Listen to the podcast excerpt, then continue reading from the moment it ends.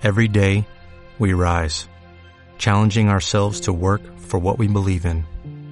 At U.S. Border Patrol, protecting our borders is more than a job, it's a calling.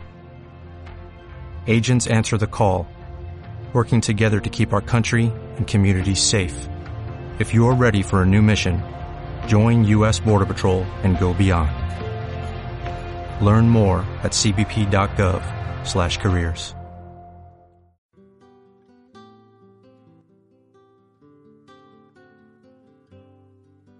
Benvinguts a l'Educa en xarxa.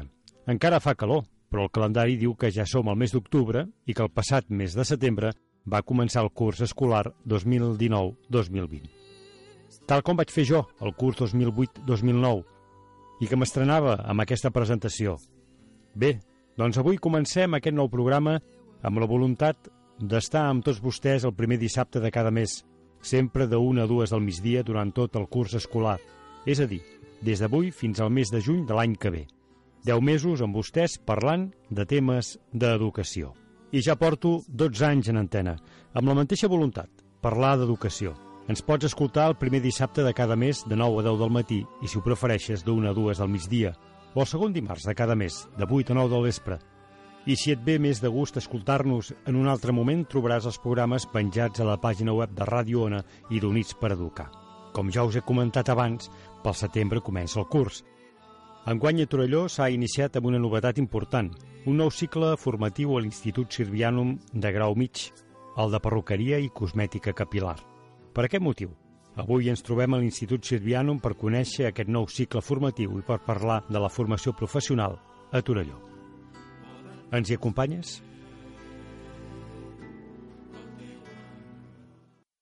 Doncs en l'Educa en xarxa d'aquest eh, mes ens hem desplaçat fins a l'Institut eh, Sirvianum de Torelló. Estem enregistrant aquest eh, programa des d'aquestes instal·lacions i ens acompanyen eh, la Gina Moreno. Bon dia, Gina. Bon dia. La Maribel Garzón. Bon dia, Maribel. Bon dia. Ells dues són alumnes del cicle formatiu de perruqueria i cosmètica capilar i també doncs, ens hi acompanyen aquí en aquests estudis improvisats eh, les professors de tècnica de, de mòdul, la Carme Villacroses, bon dia Carme. Bon dia. La Judit eh, Valdivieso, bon dia Judit. Bon dia. I també doncs, el director de l'Institut, eh, Jesús Calonja.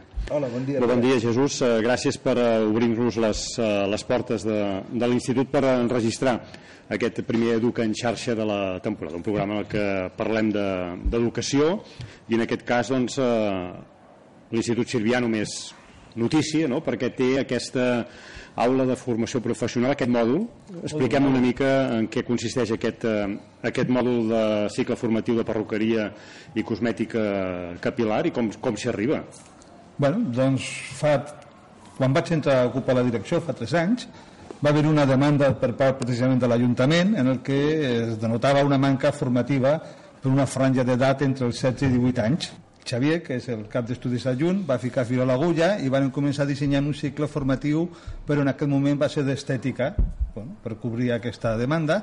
Ho varen presentar al Departament d'Educació, el Departament es va dir que molt interessant, però que ens posàvem a la cua, fins que en un moment donat eh, el Gremi de Perruqueria de Catalunya i d'Osona, que és la mateixa representant, va fer una mateixa demanda al departament, però no pas per estètica, sinó per perruqueria i el departament ens va comunicar que si entomàvem el cicle de perruqueria que ho teníem per aquest curs ho varen parlar, varen creure que l'important era la, que, que hi hagués aquesta oferta formativa i ho varen entomar el repte. I en col·laboració entre la gent d'aquí del centre que ha treballat moltíssim per adequar les instal·lacions penseu que teníem un espai que era un taller de tecnologia, era un taller amb bancs i sargents i maquinària ho hem hagut de treure tot i fer cada noves instal·lacions ja et dic, amb ajuda del professorat de centre i col·laboracions que hem tingut de diferents perruqueries de la comarca. Doncs un cop ja teniu aquest mòdul de, formatiu que, com deies, era una demanda que, que teniu no? de, de, de, havia, de, Torelló, de, de, Torelló no? de la sí, necessitat sí. aquesta, per tant fa que això sigui un mòdul una mica especial. És l'únic mòdul d'aquest tipus que hi ha aquí a la comarca d'Osona? Sí, quan vàrem treballar en, la, en aquesta oferta vàrem mirar de no trepitjar ningú. Com saps, hi ha altres centres de, de, de, de cicles formatius a la comarca i la repetició de cicles en un espai tan petit doncs no tenia cap mena de sentit. Fa anys a Vic es feia un mòdul de perruqueria que es va deixar de fer, l'empresa Carol Bruguera em sembla que era la que entomava el tema i llavors nosaltres hem vingut a ocupar un espai, una mancança, no solament a nivell de Torelló sinó a nivell comarcal però a nivell comarcal que a al Ripollès i a la Garrotxa tampoc, tampoc hi ha aquest cicle i llavors nosaltres pretenem ser un referent en aquest sentit, no? que tant del Ripollès com de la Garrotxa com d'Osona puguin cursar aquest cicle formatiu aquí a l'Institut de Torelló. Doncs eh, no sé si vols afegir-hi alguna qüestió més, de la presentació d'una mica com ha anat eh, eh, l'obtenció d'aquest cicle formatiu, que com deies, una necessitat de, de Torelló. No sé si es cobreixen les expectatives en aquesta primera, aquest primer curs del, del cicle. Home, hem pensat que tenim una matrícula de 20, 20 alumnes, eh, dels quals hi ha 3 nois i 17 noies, pensem, i així ens ho comuniquen des del departament, que és una matrícula molt important per ser el primer any, perquè hi ha encara molt desconeixement, ens falta una bona campanya de publicitat i amb això vosaltres, com a mitjans de comunicació, ens esteu ajudant. Hem de difondre molt aquest cicle perquè que cobreix una mica totes les necessitats que hi hagi l'àmbit d'aquestes tres comarques. Com a centre sempre restem oberts a que quan tingueu necessitat o sempre estarem a la vostra disposició. Eh? Doncs uh, fes aquesta, aquesta presentació. Gràcies, Jesús, com dèiem, per, també per deixar-nos les instal·lacions de, del centre. Doncs uh, això anem a aprofundir en què és aquest cicle i la gent que s'hi ha incorporat a, a aquest any. Així que parlem doncs, amb les alumnes, amb la Gina, la Maribel, la, la Carme i la, la Judit, les professores, que ens explicaran una mica. Um, el torn és obert, eh, per tant les preguntes no van dirigides en principi en concret a, a ningú, però uh, Gina i, i Maribel, com podeu descriure l'aula en la que normalment treballeu, aquesta aula que estem, que entenc que és una aula, diguéssim, que s'ha convertit en una perruqueria. Sí, bueno, abans era una aula de tecnologia i ara l'han convertit en una aula de perruqueria i és, un altre, és el taller on fem la part pràctica. Tenim 8 retacaps i tocadors, també tenim uns quants. I um, per aprendre la pràctica i tot això, ara actualment treballem amb nines que, uh, bueno, amb els caps, que els subjectem amb un trípode, que um, o sigui, el que té que el té molt important no? que en, en aquest cas aquests cicles formatius és que bàsicament són pràctiques. És manuals. Eh, la, les, les professores la, la, professores, a veure, hi ha molta part de teoria, de, de pràctica, i és això, en aquest cas de la perruqueria, com comentaven els alumnes, es necessita doncs, una matèria primera que són no, caps, eh, per, per sí. poder pentinar, ho feu uh, inicialment amb, amb maniquís, però una mica és això. És molta pràctica, Bueno, també hi ha una part teòrica important, que per tenir una bona pràctica també hi ha d'haver la, la teoria, però sí que és important, doncs, amb el món de la perruqueria, practicar, practicar molt i quan més cops eh, fem les coses més ens en, surt, ens en sortim. I per començar, doncs això, el que deia la Gina és que posem un trípode on subjectem les nines i podem treballar còmodament. Després, més endavant, ja un cop tinguem més agilitat, ja ho farem entre nosaltres, amb clients de fora, però és important doncs, agafar aquesta pràctica. Um, L'aula la tenim ben equipada, diguéssim... Uh... Sí, um, bueno, l'aula està plena de miralls per, bueno, pues, a la compte de les perruqueries que hi ha molts miralls. I llavors cada alumne doncs, té el seu maletí amb tots els aparells, el secador, el, una lupa, um, moltes coses, la màquina de rapar, totes les pintes, les pinces, tot i llavors doncs, cada alumne fa servir el seu material. Uh, com ha anat aquest inici de, de curs, Maribel i Carme? Uh, diguéssim, uh, és el que us esperàveu, el tipus d'alumnat que, que teniu que per primera vegada cursa aquest cicle, per tant, no, ells també és una experiència nova tant pel, pel centre, per la, els alumnes com per la, els professors i sí, com, com ha anat aquest inici de curs? Compleix les expectatives que teniu? Uh, millor del que pensava. O sigui, ja venia amb l'idea de camaraderia i tal, però clar, o sigui, vaig anar i tinc ganes d'anar-hi a classe. Això és important, no, Carme? Sí, nosaltres estem molt contents, molt contentes amb la Judit perquè tenim un grup molt maco que venen amb ganes, motivats, són adolescents, però bueno, que és molt important que la motivació hi sigui i de moment veiem que, que les ganes hi són, vull dir que pensem que podem fer molt bona feina. d'alumnat, aquí tenim una representació de, de l'alumnat, eh, hi ha nois, noies, hi ha més noies que nois, com sí, està repartit? Hi ha, hi ha 3 nois i 17 noies. Eh, vosaltres teniu vocació per fer de, per treballar a la perruqueria? És a dir, és una, és una sortida que la veieu com a professional, però a més a més ho feu perquè us agrada, perquè creieu sí. que teniu possibilitats? Sí. Sí, a part es veu que hi ha feina i us agrada. Sí. tu des de petita que t'agradava, no? Que volia ser perruquera. Sí. Doncs eh, aquesta és una possibilitat doncs, de, de començar, no sé si és això, teniu aspiracions d'anar una mica més, en, més enllà, eh, però pels que no coneguin què és el cicle formatiu, què s'hi fa, és exactament explicar-nos què, què hi apreneu i entre tots també expliqueu-nos quines són les sortides professionals que us ofereix aquest cicle formatiu. Doncs aquest cicle formatiu hi aprenem les diferents coses que, que apareixen al món de la perruqueria, com podria ser la tallada, el color, els canvis de forma, recollits, eh, l'higiene capilar que seria rentar caps i tot això. I llavors suposo que l'any que ve s'aniran afegint més coses tant de pràctica com de teoria i també fan una part de teoria, com comentàvem abans, que és important, que és la formació i orientació laboral, que els ensenyen doncs, el que és en el món laboral, a les nòmines, els contractes, si mai tenen el seu propi negoci, doncs com tirar endavant un, un negoci, o sigui, això també ho trobem en, el, en la signatura de FOL, i després una altra cosa important és que fan 3 hores d'anglès a la setmana, també. Això també és una cosa que crec que és important. Perquè les les sortides, no? els alumnes suposo que us han explicat una miqueta quines són les seves pretensions. Eh, ha d'haver-hi gent que el que vol és treballar per una altra persona i tenir un lloc de, de treball, però també deu haver-hi qui vol muntar el seu propi negoci no? i una mica ser un emprenedor en aquest, en aquest sector. Per tant, pel que deia la Carme, els expliqueu no, una mica tot el que també té a veure amb, amb la creació del, del propi negoci. Sí, aviam, aquí en aquest cicle formatiu, a part de que es, que es pens, bueno, que els preparem per muntar una pròpia perruqueria, poden ser tècnics especialistes en cases comercials, poden anar a treballar en fer aportacions en peluqueries o bueno, en peluqueria ho he dit, perdoneu-me, um, o que és l'espectacle, poden estar treballant darrere del teatre, de pel·lícules, d'anuncis, i també el que poden fer és doncs, eh, bueno, especialitzar-se en postisseria, no només és la peluqueria no només és tallar cabells i coloració, també hi ha la part de postisseria, que ara les mancances de que per mala sort hi ha moltes malalties de quimios, els cabells desapareixen i llavors molta gent té moltes mancances de, de, del que és de la part del, de calvícies, doncs llavors la que també preparem aquí també és una mica la part de postisseria, que potser és la que està menys vista en perruqueria i és la que és molt important també.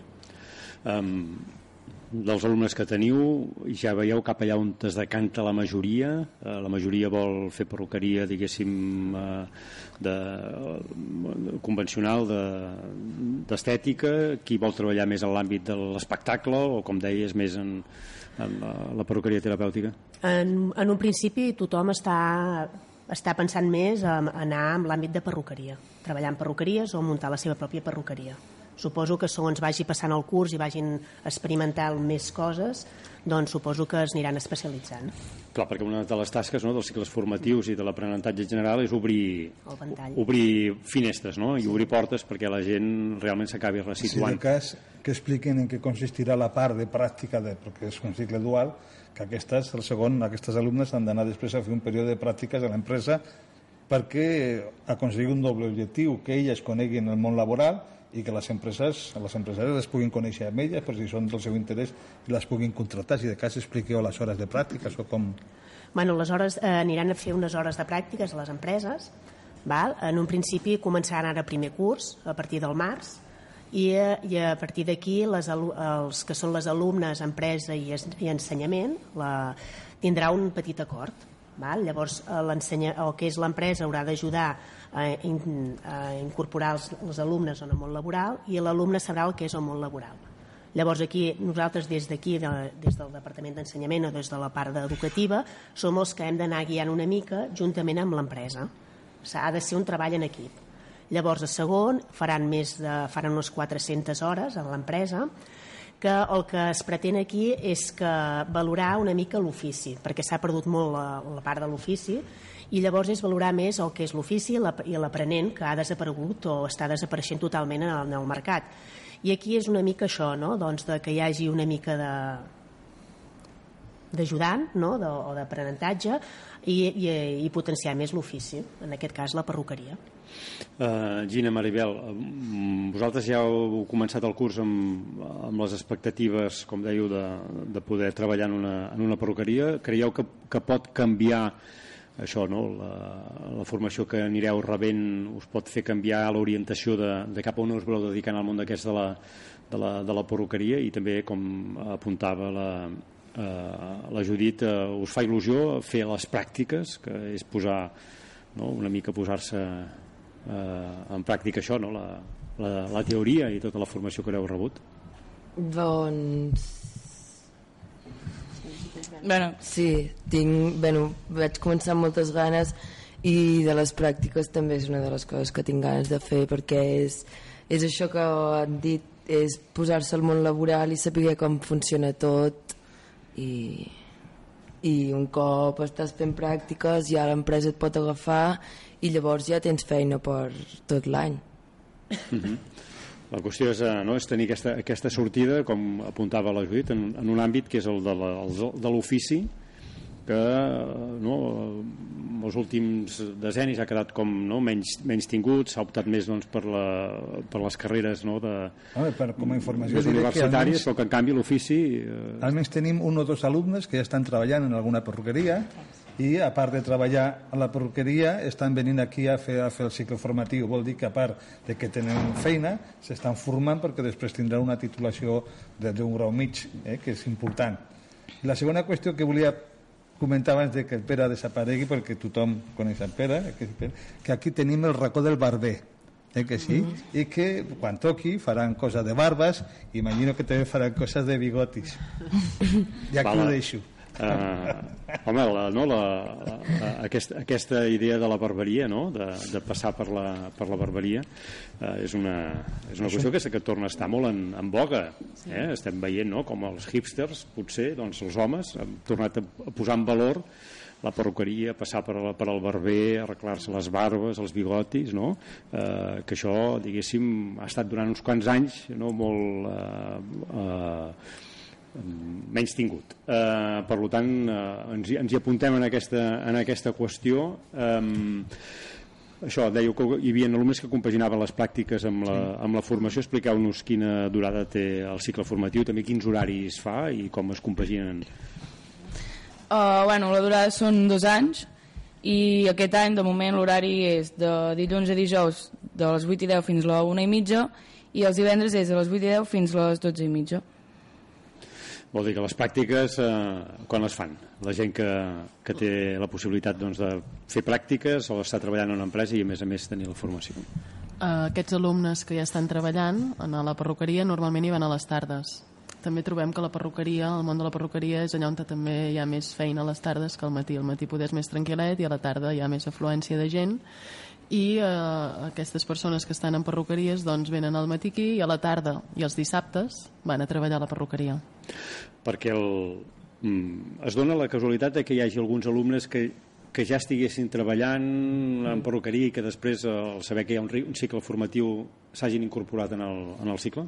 Sí, sí, sí, sí, ens trobem això amb tres o quatre alumnes doncs, que ja estaven treballant, però al enterar-se que es feia aquest cicle doncs es van apuntar i amb moltes ganes i clar, és una manera de treure's el títol i de poder seguir estudiant també, hi ha una continuïtat, hi ha un grau superior de, de perruqueria també, que hi ha una continuïtat del grau mig, per tant és un començar i sí que és important això, tenir un títol per molt que estiguis treballant en una perruqueria de fa molt temps, eh, és important tenir el títol i a més eh, sembla que de l'associació de perruquers també ja ho van comentar que es, eh, es posarà un, unes normes que qui no tingui el títol no podrà obrir un, el seu centre de perruqueria.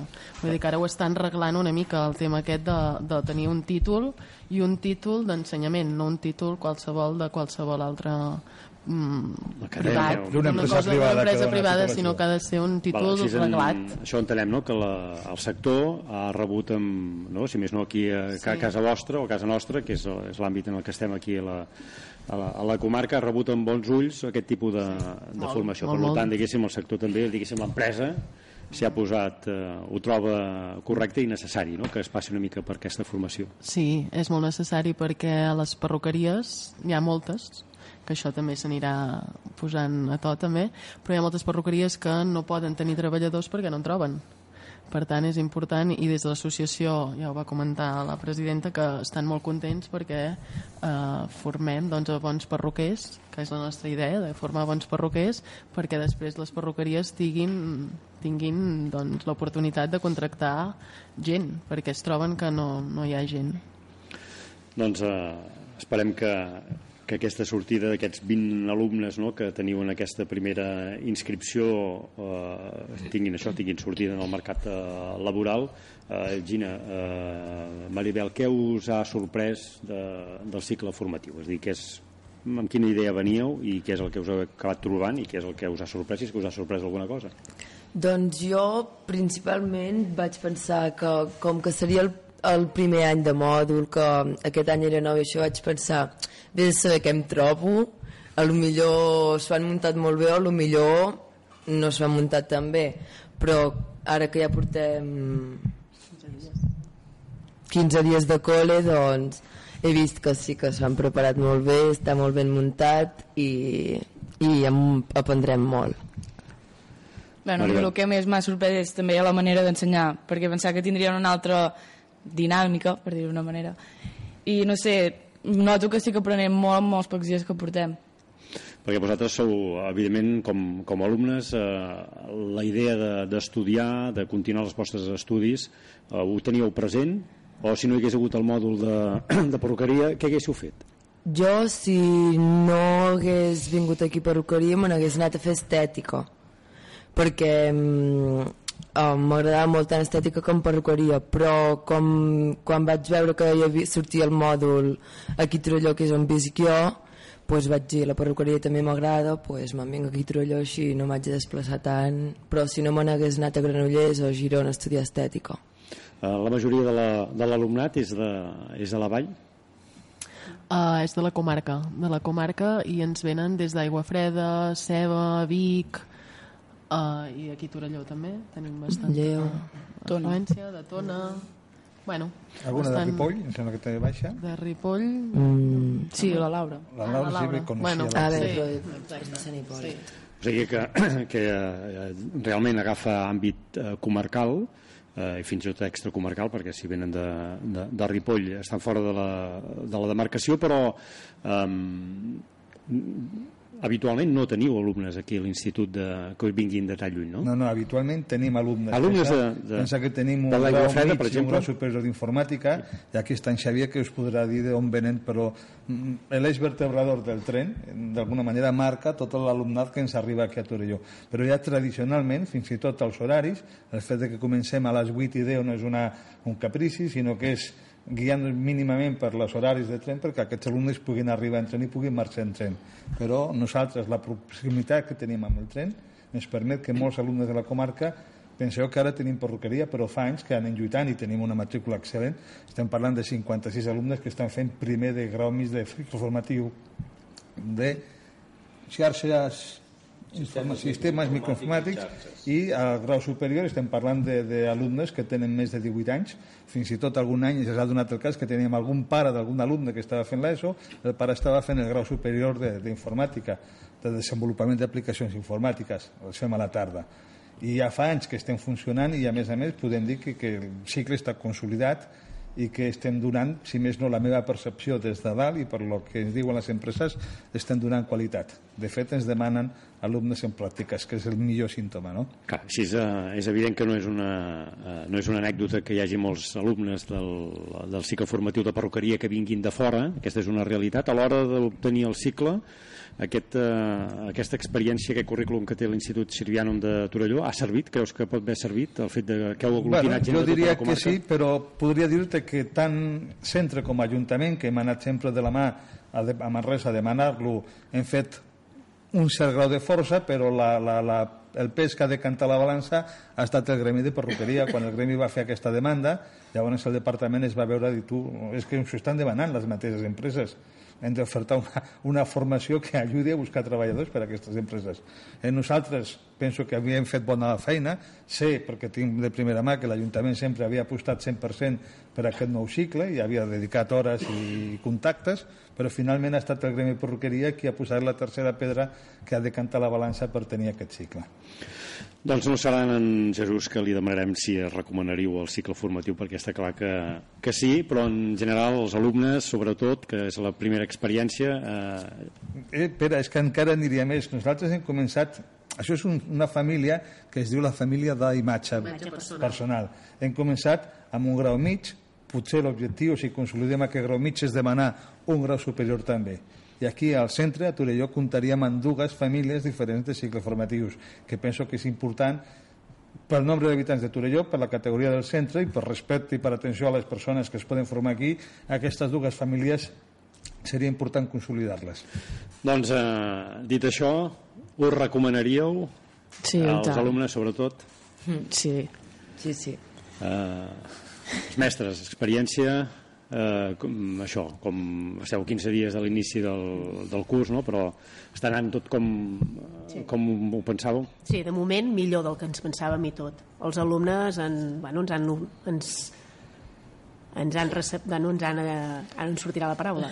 Rebut. ens han rebut. amb els braços oberts i amb moltes ganes, que això és molt important i nosaltres els hi donarem tot el que puguem i més no? a partir d'aquí. Cal dir que les, les professores les perruqueres no han començat al setembre a treballar, des del mes de juny estan venint al centre, estan preparant la programació, s'han volcat en que el tema estigués a punt i que comencéssim amb tots els deures fets, i ho han fet. Clar, perquè eh, és diferent, no?, afegir-se eh, en un mòdul que ja existeixi, o en Clar, un cicle que ja existeix, a, a crear el cicle. No? Clar, aquí han començat de zero, i ha valgut la seva experiència prèvia, perquè si s'haguessin de refiar de lo que jo en sé de perruqueria, teníem un problema perquè hi ha alguna, alguna referència? Us baseu en l'experiència pròpia el que es pugui bueno, estar donant en altres instituts? D'haver treballat amb ensenyament durant molts anys i llavors l'experiència és un grau també. I, bueno, i amb l'ajuda de tots vas mirant i vas intentant fer el millor possible. Doncs eh, escolta, ha estat un, ha estat un plaer Eh? Moltíssimes gràcies, doncs, com dèiem, per eh, deixar-nos entrar aquí en la vostra aula. Ara us deixarem que continueu treballant. Eh, Jesús, moltíssimes gràcies. Eh, si vols quedar-te aquí en el, en el programa, tu ho pots, eh, ho pots fer-ho. Ara el que fem, doncs, fem una petita pausa i canviem eh, els contertulians d'aquest, eh, en aquest cas, d'aquest primer programa de la, de la temporada. Doncs moltes gràcies, Pere, per la gràcies. vostra... Gràcies. Gràcies. gràcies. Ràdio Ona, 107.4.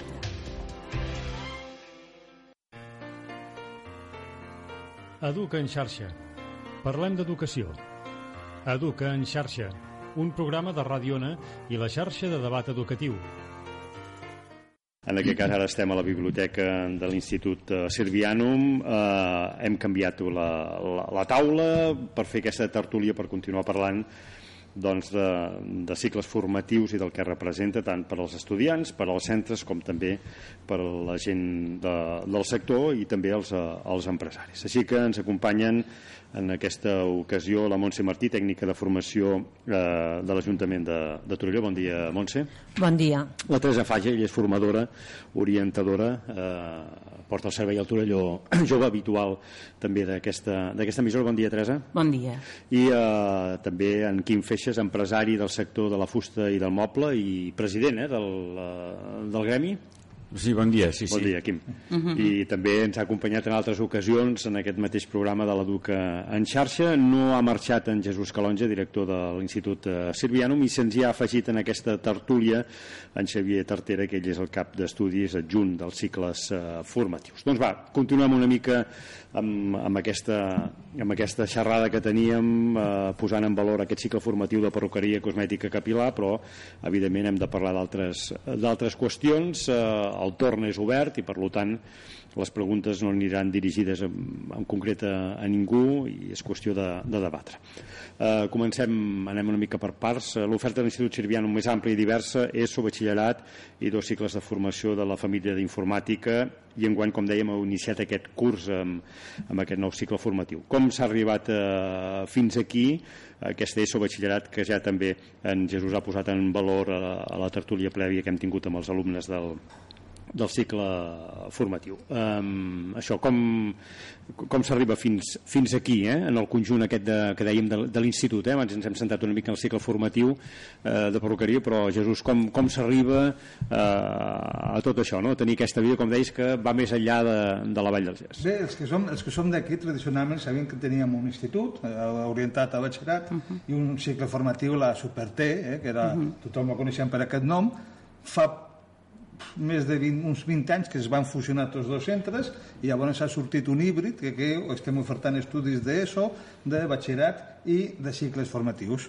Va haver-hi un primer intent fa molts anys de fer un cicle formatiu d'injecció de plàstics, ho dic perquè en aquella època jo era el riu d'educació, jo ho vaig fomentar, el que passa que no va tenir vida. En dos anys va, va morir mm, bueno, per les causes que, que siguin, i això que era una demanda dels empresaris, el tema de la injecció i dels mollos i tot això.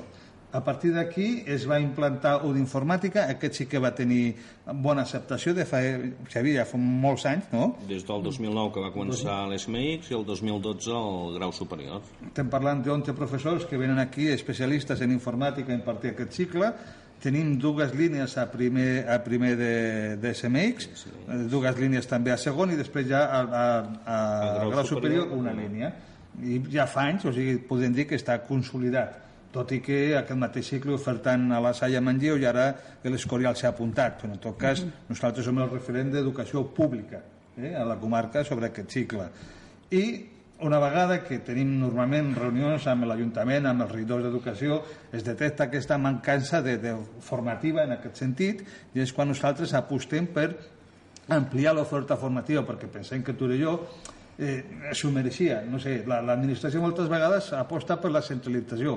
Vic, Vic, tot va Vic. Doncs no, senyors, pensem que Mangeu té dos o tres famílies també de cicles formatius i Torelló estàvem amb una consolidada, però pensàvem que havien de créixer perquè els nostres alumnes i el referent de la comarca estigués una mica més distribuït. Això del centralisme és una cosa que com a model l'hauríem d'anar eliminant una mica si és que volem que vertebrar el territori, que el territori creixi d'una manera equilibrada hem tingut algun intent de fer alguna formació, però que es demanava en el sector empresarial, eh, de, de, de, de temes també de mojos, però era molt complicat perquè la maquinària que necessitàvem aquí en les instal·lacions no les requeríem i el departament no està com per fer inversions en aquest sentit. Llavors hem buscat allò que sí que hem pogut ofertar, que hi ha una demanda real, que tapem un forat a nivell de zona perquè no existia i penso que hem encetat bé l'andadura. Ara cal que el camí sigui planer.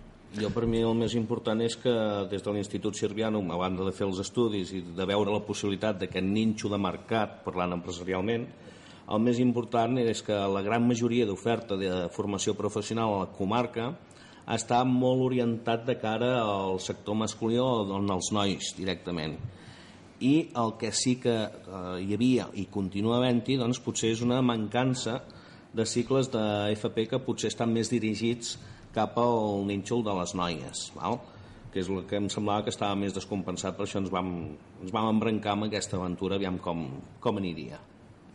Um, Quim, eh, en, en Jesús ha parlat de necessitats de, no, de, de moments als sectors d'empreses, en aquest cas doncs, un mòdul d'injecció de plàstic que no va, no va quallar. Els empresaris, com feu arribar, en aquest cas, les vostres inquietuds, necessitats a l'institut, eh, diguéssim, aquesta informació corre bé, no? S'arriba tard, potser quan es fa el mòdul ja aquella necessitat ja està, eh, ha canviat. Bueno, jo faria primer un, una introducció. O sigui, abans s'ha parlat de la desaparició de la figura de l'aprenent, és una figura que en aquest moment segur que no entra en les maneres de fer ni legals ni, ni socials, per la qual cosa les empreses en, en, entenem des de jo personalment i des d'allà on testificat el Gremi Fustimoble de que l'ensenyament ha d'anar molt període entre empreses i administració i que les aules de formació professional tenen un paper bàsic en el tema d'ensenyament. De, Un altre paper bàsic és el de la gent que vol participar en aquestes aules. O sigui, això és una altra història. Eh? Uh -huh. en, el camp, en el sector de la fusta doncs hem vist la desaparició d'aules eh, emblemàtiques per falta d'alumnes. D'ensenyament privat en aquest cas, no pas públic, però veien que aquella aula no donava econòmicament i la liquiden. El públic mm, no és que estiguem massa millor en quant a aules d'ensenyament, aquí en tenim, si no m'equivoco, de fusteria, en tenim a Olot, en tenim a Banyoles, n'hi ha a la Garriga que està penjant d'un fil, n'hi ha a, a Barcelona, en aquest aspecte i tirant cap al sector nostre hem de reconèixer que el, el departament ens és molt eh, està molt al costat en el, senyor, el saló de l'ensenyament la fusta era un dels elements bàsics de, del saló estàvem molt ben situats aquí el mm. pròxim saló segurament ja no hi serem tant perquè hi ha altres, altres Mm, parts del, del món empresarial que també ho necessiten. El que segur és que, pel meu punt de vista i des de l'associació on soc, que l'ensenyament ha d'anar lligat entre empresa i, i, i, i escola. Aquesta coordinació es, es dona en aquest moment? És millorable? Eh, el nostre cas, no? torno a dir que amb, amb, amb ensenyament anem molt de costat Ara s'ha fet un pla pilot que es farà a l'escola a Barcelona, a l'escola superior allà al carrer Urgell, un pla pilot. I des del conseller tenim la paraula, això en una reunió i al seu costat, de que si el, el territori que reclama un ensenyament d'aquest tipus i posa la maquinària i l'espai, el departament hi posarà els elements d'ensenyament. Això jo ho he sentit, com que ho he sentit puc dir-ho.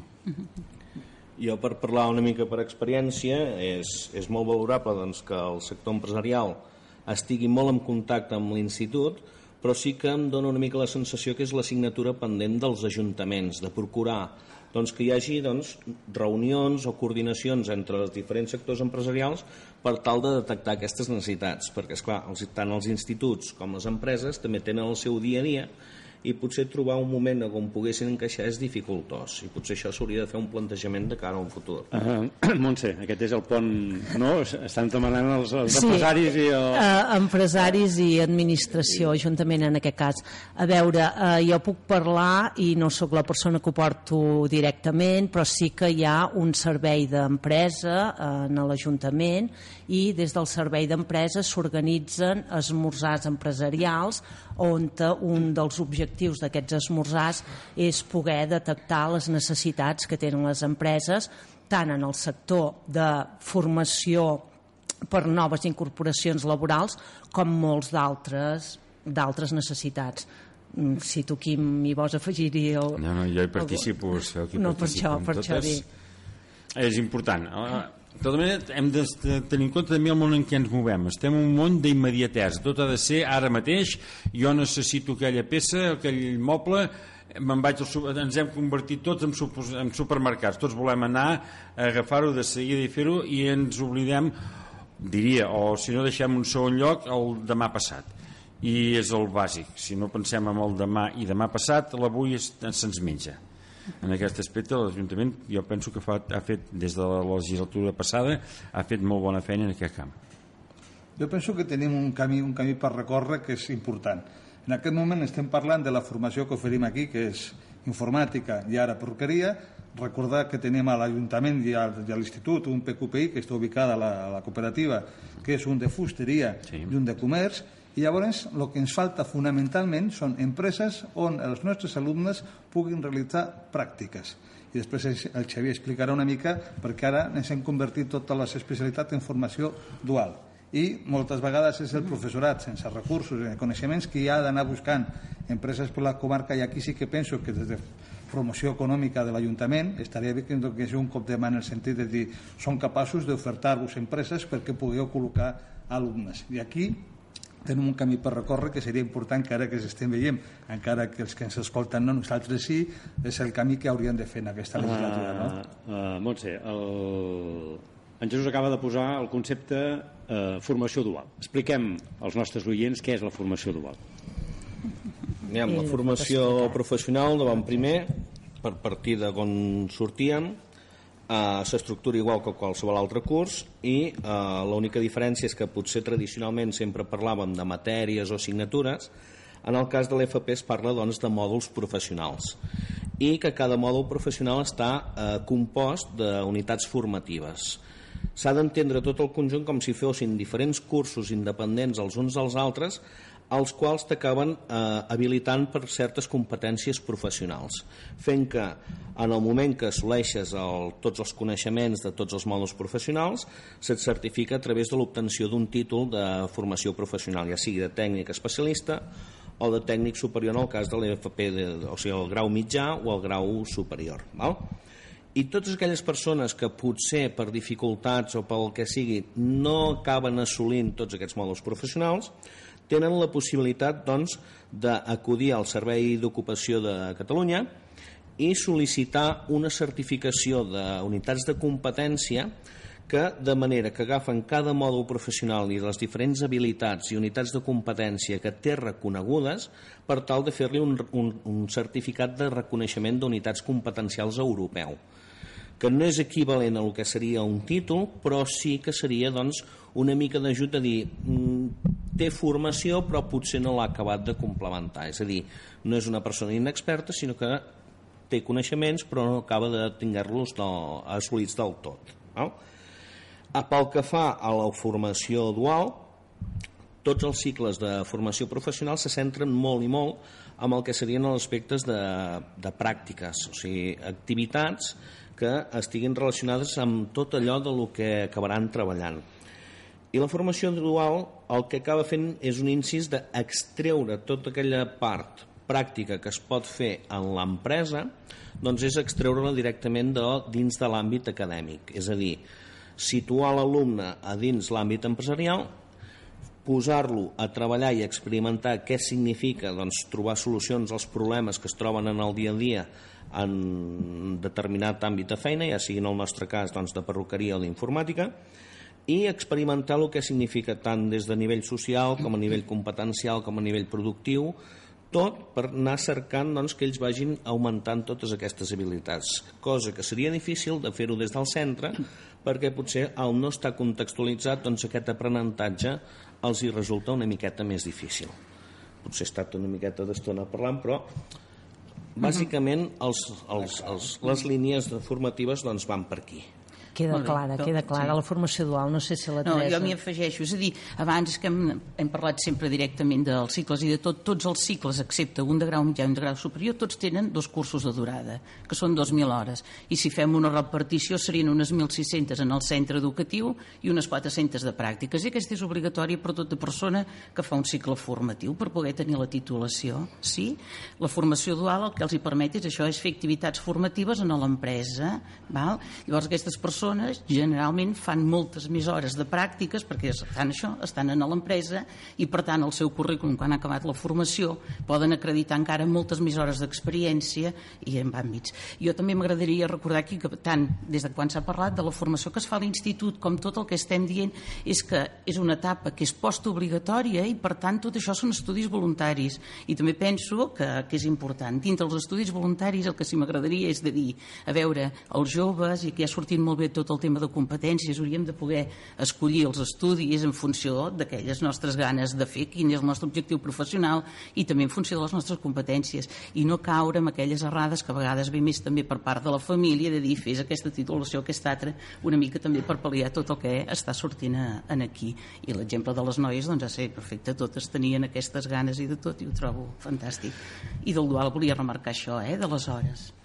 Jo el que voldria és que la formació dual repte a les empreses i en canvi la formació que es feia fins ara només reptava a les escoles. Correcte, correcte. Molt, sí, sí. el compromís per part de les empreses ha de ser superior. Hi ha, hi ha un tema econòmic també. Els alumnes han de percebre unes quantitats mínimes, hi ha diferents fórmules alguna que és subvencionable, però en definitiva l'estan dient a l'empresari, si apostes de veritat ho has de demostrar, i ho has de demostrar en contractes de formació dual. Uh -huh. I això és important perquè, clar, moltes vegades Parlem d'Alemanya, però en Alemanya això els empresaris ja no s'ho plantegen, ja dediquen un percentatge de, de, de les ganàncies del que sigui aquesta formació. Aquí volem lo d'allà, però sense aquest esforç. Aquí m'alegra molt que hagi dit això perquè és veritat, que l'empresari ha d'apostar per aquesta formació. Um... Jo voldria, un, un moment, eh, jo voldria eh, intervenir en el sentit de que en Quim ens ha dit s'ha perdut, i abans també s'ha comentat de s'ha perdut la figura de l'aprenent, i verdaderament s'ha perdut la figura de l'aprenent, però jo crec que la formació dual, tot i que no és el mateix, mm, ens ajudarà una miqueta, eh, és a dir, ens posa en contacte l'alumne amb el món de l'empresa, amb moltes hores a l'empresa, amb la qual és una manera de que l'empresari conegui a la persona que potser en un futur pot quedar-se treballant allà. Mm, com, com respira el sector empresarial, eh, Quim, en aquest sentit? Jo, tenim la sensació que tu tens no, clar, no, mira, però nosaltres, eh, en general... Ja, eh, ja no vaig a, a nivell de gremi, doncs, per exemple, es, participem i es busquen empreses que vulguin formar els mestres, perquè un dels dubtes que s'han plantejat sobre la taula és el mestre tradicional no vull dir res de mal, sinó el mestre que tenim està d'acord amb les tecnologies, amb els sistemes que es fan servir, perquè esclar, en el meu cas, eh, si parlem de fusteria pensem en Sant Josep, i avui dia Sant Josep eh, no tindria, tindria poca feina, seria un artista, perquè continua sent, però seria un artista. Eh, avui dia una empresa de fusta avançada, mitjanament avançada, la informàtica és la base de, de tota l'empresa. Eh, nosaltres de, personalment crec que al llarg de la trajectòria he demostrat que estic eh, d'acord amb que és imprescindible la relació empresa-ensenyament. Fa molts anys que venen alumnes de pràctiques eh, de fusta. Han vingut fins i tot curiosament us diré de, de, de Sabadell, de l'escola de Sabadell amb un conveni amb l'escola per fer pràctiques a casa perquè sabien que a casa doncs, eh, som dels que hi, hi apostem per aquesta cosa des del món que jo em moc tothom hi, diria que si no tothom molta gent hi està d'acord es veu que és el futur i, i, i res més, i endavant per aquí eh? i encara més, el senyor que hagi fet un, un grau de superior té la feina assegurada molt més que que hagi tingut una, tres carreres dintre del mateix sector, evidentment un que fa aeronàutica no hi busquis un, un grau de formació de fusta però eh, això els darrers anys està passant, o sigui que tot el que seria formació professional de grau superior està tinguent molta més acollida que no pas als, als propis graus universitaris.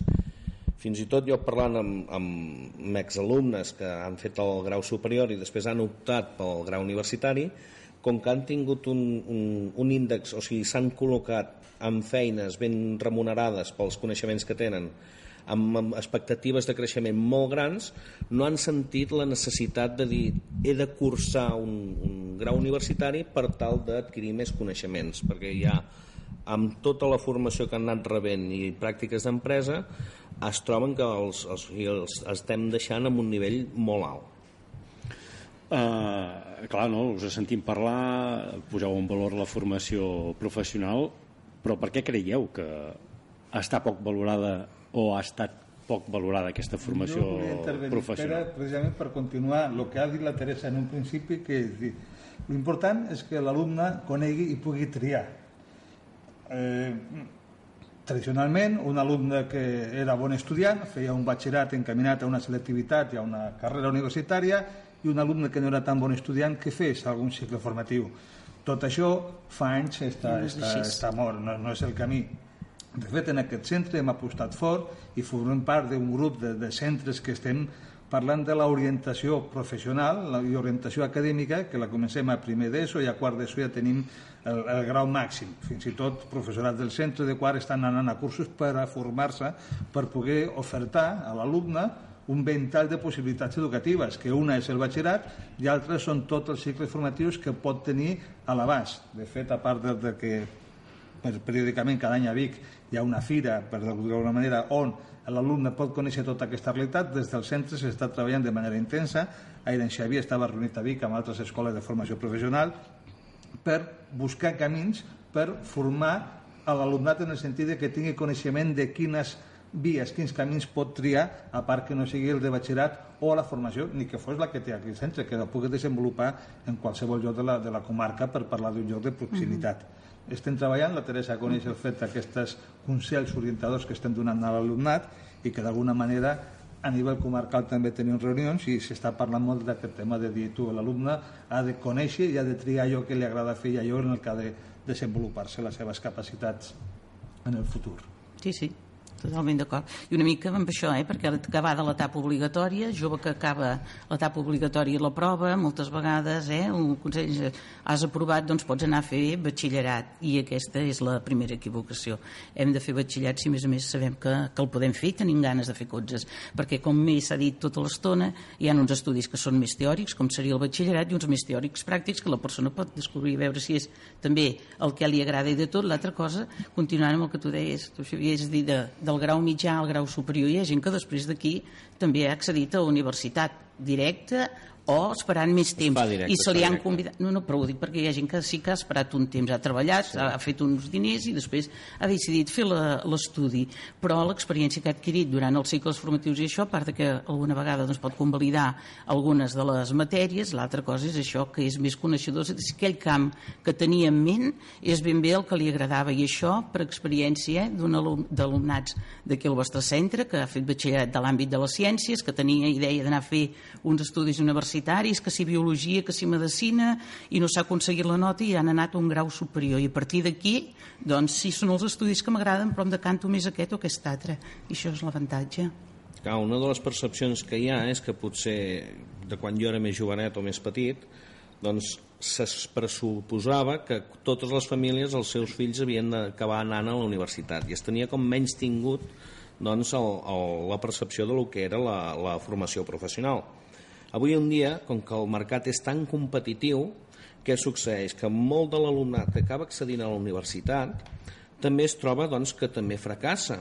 I en molts casos, si volen ajudar les famílies a, a, a l'hora de, de poder cursar doncs, la universitat i pagar-se els estudis, laboralment doncs, un, un títol de batxillerat no els acaba d'aportar cap mena d'avantatge referent a una persona que realment no tingui cap estudi, o sigui, laboralment no, no té cap avantatge. En canvi, sí que el circuit d'accés a la universitat a través de la formació professional eh, és més llarg, però sí que cada simultàniament, o sigui, cada cop que vas assolint una titulació sí. et va acreditant laboralment doncs, per un estatus que, amb el qual ja pots treballar. Amb això no vull pas dir que sí que hi ha carreres que sí o sí el seu curs natural és doncs, seguir doncs, a través del batxillerat i accedir a la universitat, però sí que n'hi ha molts d'altres que potser aquest camí fins a universitat potser s'hauria de complementar amb una formació professional. Estic pensant, doncs, per exemple, els, els manyans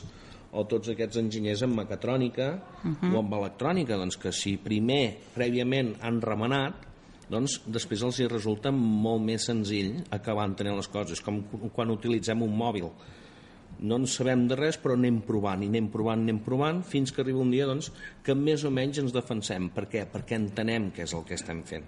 Doncs amb l'FP doncs, eh, hauria de ser el mateix. O sigui, no és premiar-ho, però sí que és donar-li el valor i contextualitzar-ho allà on li correspon, que és en general el que ens falta aquí a la comarca.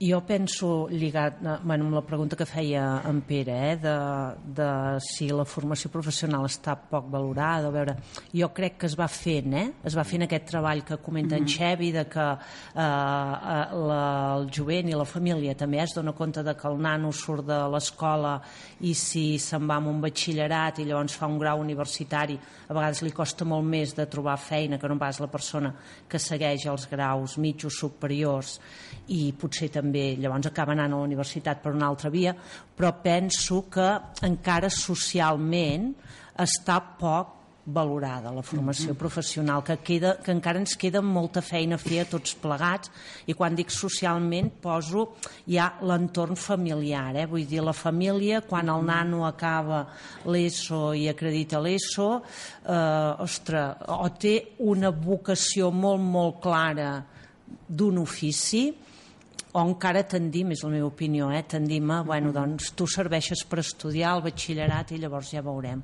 No sé, eh? No, no, no solament a nivell familiar. Jo podria dir que a nivell de claustre, de vegades sense algun comentari que dius encara tenim tasca a realitzar a dins de les escoles també.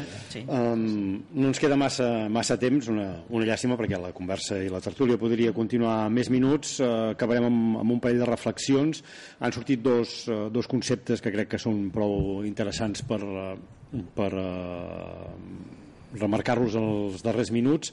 Eh, s'ha parlat de competitivitat heu dit el mercat actualment és molt competitiu en tots els àmbits i també d'immediatesa. En, en Quim, no? l'empresari es deia molt, molt immediat i per tant es mou amb una dinàmica molt ràpida les coses necessiten per allà mateix.